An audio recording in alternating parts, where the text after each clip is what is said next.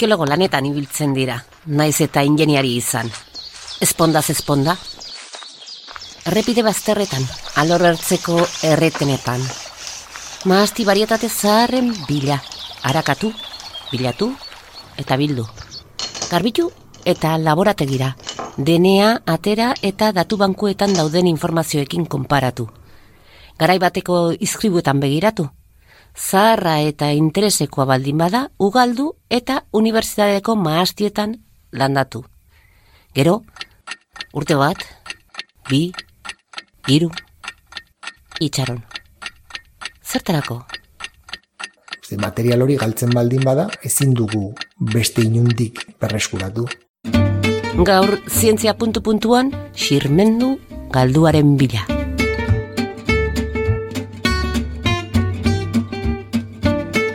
Zientzia puntu puntuan. Nafarroako Unibertsitate Publikoaren divulgazio zientifikoko podcasta. Emaio zuiaten adimenari. Ongi etorri entzulea margarren atal honetara. Arkeologiaren eta zientzia fikzioaren arteko berreskuratzen lan zehatza eta zorrotza ezagutuko dugu gaurkoan. Hainbat arrazoiengatik desagertu ziren mahats barietateen bila joan gara. Nola berreskuratzen dira aitzinako mahastiak ardo berriak egiteko? Retro berrikuntza. Hala, deitzen dio Gontzaga Santesteban nupeko irakasleak. Ni Gontzaga Santesteban naiz, agronomia, bioteknologia eta elikaduraren zuzendaria naiz. Nire lanarloa izaten da matxegintza. Aurkikuntza arkeologiakoaren eta biologiaren arteko erdibidean. Gontzaga Santestebanek filoseratik bizirik atera ziren maatxondoak bilatzen ditu detektibe jaioa bailitzan. Ez dakit detektibea edo salbatzaileak edo ez dakit zer, zer eh, esan daiteken. Guk egiten duguna da, bueno, ba, olako ondare material bat galdu eh, ez izateko, ba, ola, ba, kudeak eta edo, bueno, ba, bilaketa, karakterizazio eta eh, bilduma moduko lan bat. Hori ezinbestekoa da, material hori galtzen baldin bada, ba, ezin dugu beste inundik berreskuratu eta hortarako egiten dituzue azterketa genetikoak. Bai, bueno, nahiko azterketa genetiko erraza da, ze aita edo aman orden jakiteko erabiltzen den antzekua, ba, begiratzen dira ADN-a, eta hor, ba, jakitean zu, ba, ze baritatekoa den ba, landare bat. Ordu zer egiten dugu normalean, egiten duena da, maasti zarrenetara joan, eta bilatu hor, ba, txurez berdina duen zerbait, eta lagin bat hartu, karakterizatu, eta interesgarria baldin bada, multiplikatu. Zergatik hartu lan guzti hori? Emeretzigaren mendean filosera gaixotasunak Europa osoko maastiak akabatu zituelako. Euskal Herrian baita ere, horrela gertatu zen. Ondorioz, bertako barietateak desagertu egin ziren jaia. Dentenak ez ordea? Ni burlatakoa naiz eta iruñarrian, ba, hiltzen zainean paseoan, ba, zer ikusten duzu, ba, espondetan eta, ba, badaudela, hola, landare solteak, maatxondoak, galdurik daudenak eta inoiz ez dakizu ba nondik datorren. Ze lehen erabiltzen zen barietate bat edo kasualitate zoz hor hazi baten gandik e, txori batek edo persona batek bota duen hazi baten gandik atera den landare bat den ala ez. Baina nik baneukan nola hori ikertzeko rino ze iruñe herria ba duela berrogeita urte bazen bai matxpintza zuen eskualde bat Orduan, otazuko upategikoekin, ba, hasi ginen proiektu bat, ba, pixkat ikartzeko, miatzeko zer zegoen. Eta bi urten zehar, arkitu genituen eunda hogei landare, eta analizatu genituen genetikoki, eta ikusi genuen, ba, zirela berrogeita piko genotipo ezberdin. Horrez esan nahi du? Ba, genetikoki, barietate ezberdinetako berrogeita bost landare aurkitu genitu. Vale?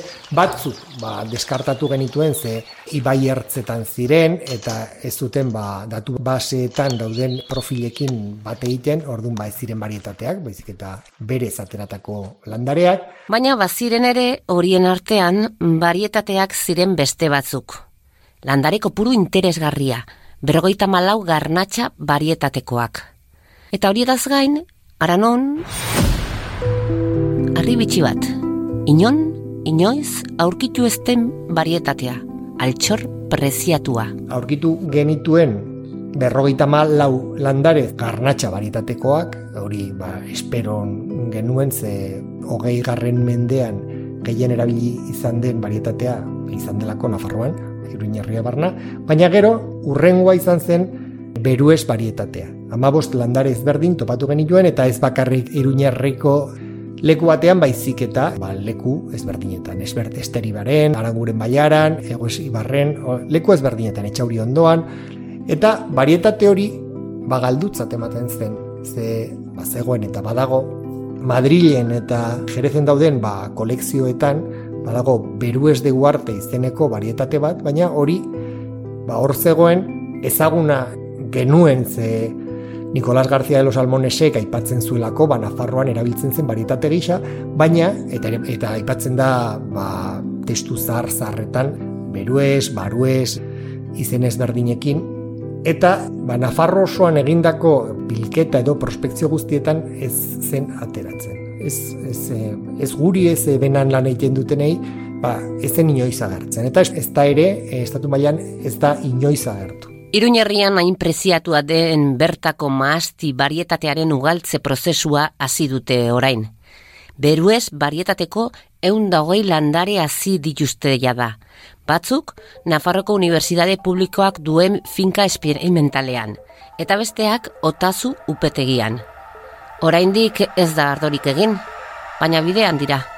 Hasi gara multiplikazio prozesua egiten, eta oain izango dira ba, eunda hogei inguruko beruez barietateko landare, batzuk hemen nupen eta beste batzuk ba, otazu upetegian, eta ari gara ba, zaintzen, ze bezer behar da ba hor bide bazter batean aurkitzen landare batetik matxa lortzeko, lau, bost, sei urte, olako zerbait, eta prozesu horretan gaude.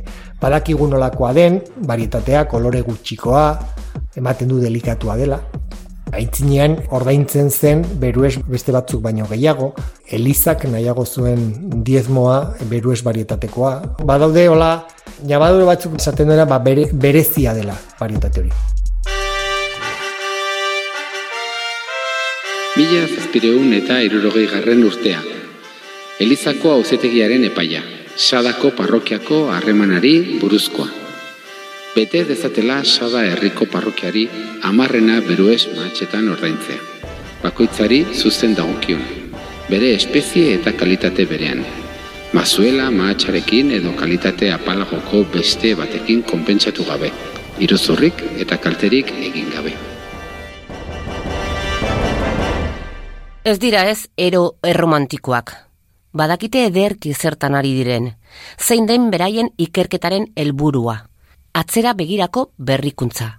Gure munduan ematen du ba, innovazioa edo berrikuntza iteko ba, beti behilatu behar dila gauza berriak hitzak berak esaten du, baina ba, guk esaten duguna da batzutan egin behar dela ere retro berrikuntza, edo ze berrikuntza baina atzera begira. Orduan, matx gintzan eta ardo gintzan, ari gara lantzen oso produktu berezi bat.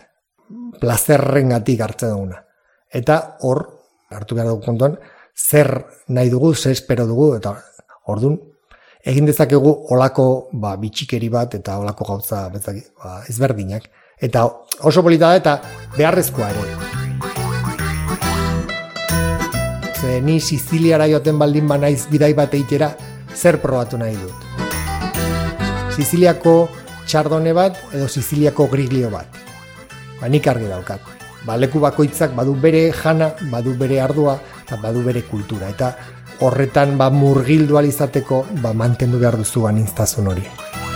Eta anistasun hori biltzeko erroetara itzultzeko erabakia hartu dute. Hogei garren mendean gailendu zen uniformizazioaren kontra borrokatzen dira teknika berriekin. Hau da, modernizazio hitza beste modu batera ulertzen dute.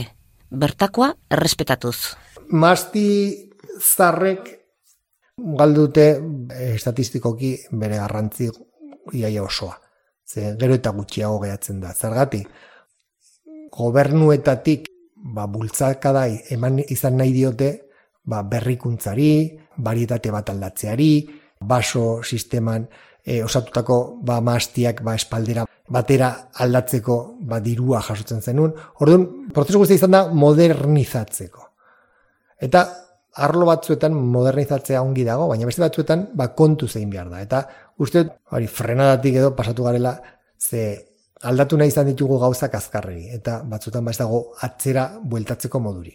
Sorionez, gero eta jende gehiago ari da barietate hauetan sinesten eta gero eta gehiago ari da jartzen ba maastiak ez lehen jartzen ziren bezala, ze gauzak jakin aldatzen diela eta aldatu behar diela, baina maasti horiek zeuzkaten oinarriak, printzipioak ba, errespetatuz eta olako beste maatxgintza bat eiten saiatzen.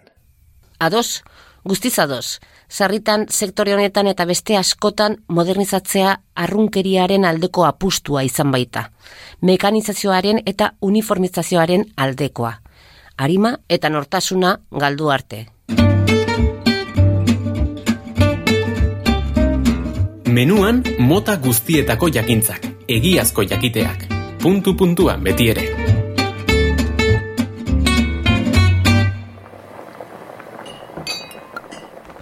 Garnatxa, Tempranillo, Graziano, Mazuelo, Beruez, bertako varietateak ditugu. Zure iritzia nahi dugu varietate hauen inguruan. Ardo gorrin naparra esaten badut? Ba, genuen ikur bat, eta poliki-poliki, orain ardo gorria modan dagoen momentu batean, galtzen ari garen aukera edo. Garnatxa. Hogei garren mendean edatuen izan den zen varietatea. Ebro bailara osoan, eta baina lehen ezen oso importantea, baina adaptatu zen ongi garai berrietara. Hogeita bat garren mendean garnatxak zer esaten dizu? Oker geundenaren adibide hon bat, ze jende askok esaten zuelako garnatxak ez zuela balio ardo onak eiteko, eta horxeatik kendu behar genuela, eta demostratu da justu kontrakoa, bain modan daun varietatea dela, eta ba, ardo bikainak egiten diela. Tempranillo. Tempranillo, ba, leku freskoetatik etorri zitzaigun varietatea, eta leku beroenetan egokitzen ez den varietate bat. Graziano? Graziano beti esaten da, ba, ardoari garrazia ematen dion varietatea dela. Bai, resilientea den varietate bat. Azten da gurean, hemen, baina baita kadizen ere. Eta klimaldaketari aurreiteko bali izan daiteken varietate bat. Mazuelo? baztertua izan zen varietatea oidi hori e, izan genuen gaixotasun bati oso gaizki egokitzen zelako. Baina oso interesgarria den varietatea jakine. Zengatik? Ba, baduelako alde batetik, ba, aldaketa klimatiko horri edo aurreiteko ba, ezaugarri batzuk, mantentzen du azidotasuna, da oso varietate ez dakit fina hitza den. Merlot. Oso varietate delikatua, lehorteak, beroak, bero kolpeak gustatzen zaizkion baritatea. Be, matx pasa bihurtzen den baritate bat oso erraz. Cabernet Sauvignon. Piper berde bat nola usaintzen duen jakiteko duzun barietatea. Ze oso usain argia du gaizki heltzen duenean edo azkarregi e, heltzen duenean. Ze mantentzen zaiolako piper berde usai hori eta... Beruez. Beru ez da, ba hori retroinnovazioaren adibiderik oberena. Ze ez dakigu nolako ardoa egingo dugun, ez dakigu txuria, gorria, beltza, e, espumosoa, ez dakigu zer izango den oberena lan egiteko, baina beharrezkoa dugun baritate bat. Iraganeko soluzioak orainera ekarri etorkizuna konpontzeko. Retro berrikuntza xirmendu zahar batzuk berreskuratu bide bazterrean eta gure arbasoak hartzen zituzten ardoak berriz asmatzeko helburuarekin. Ongizan? Zientzia puntu puntuan entzun duzu. Nafarroako Unibertsitate Publikoaren podcasta. Gozatu zientziaz.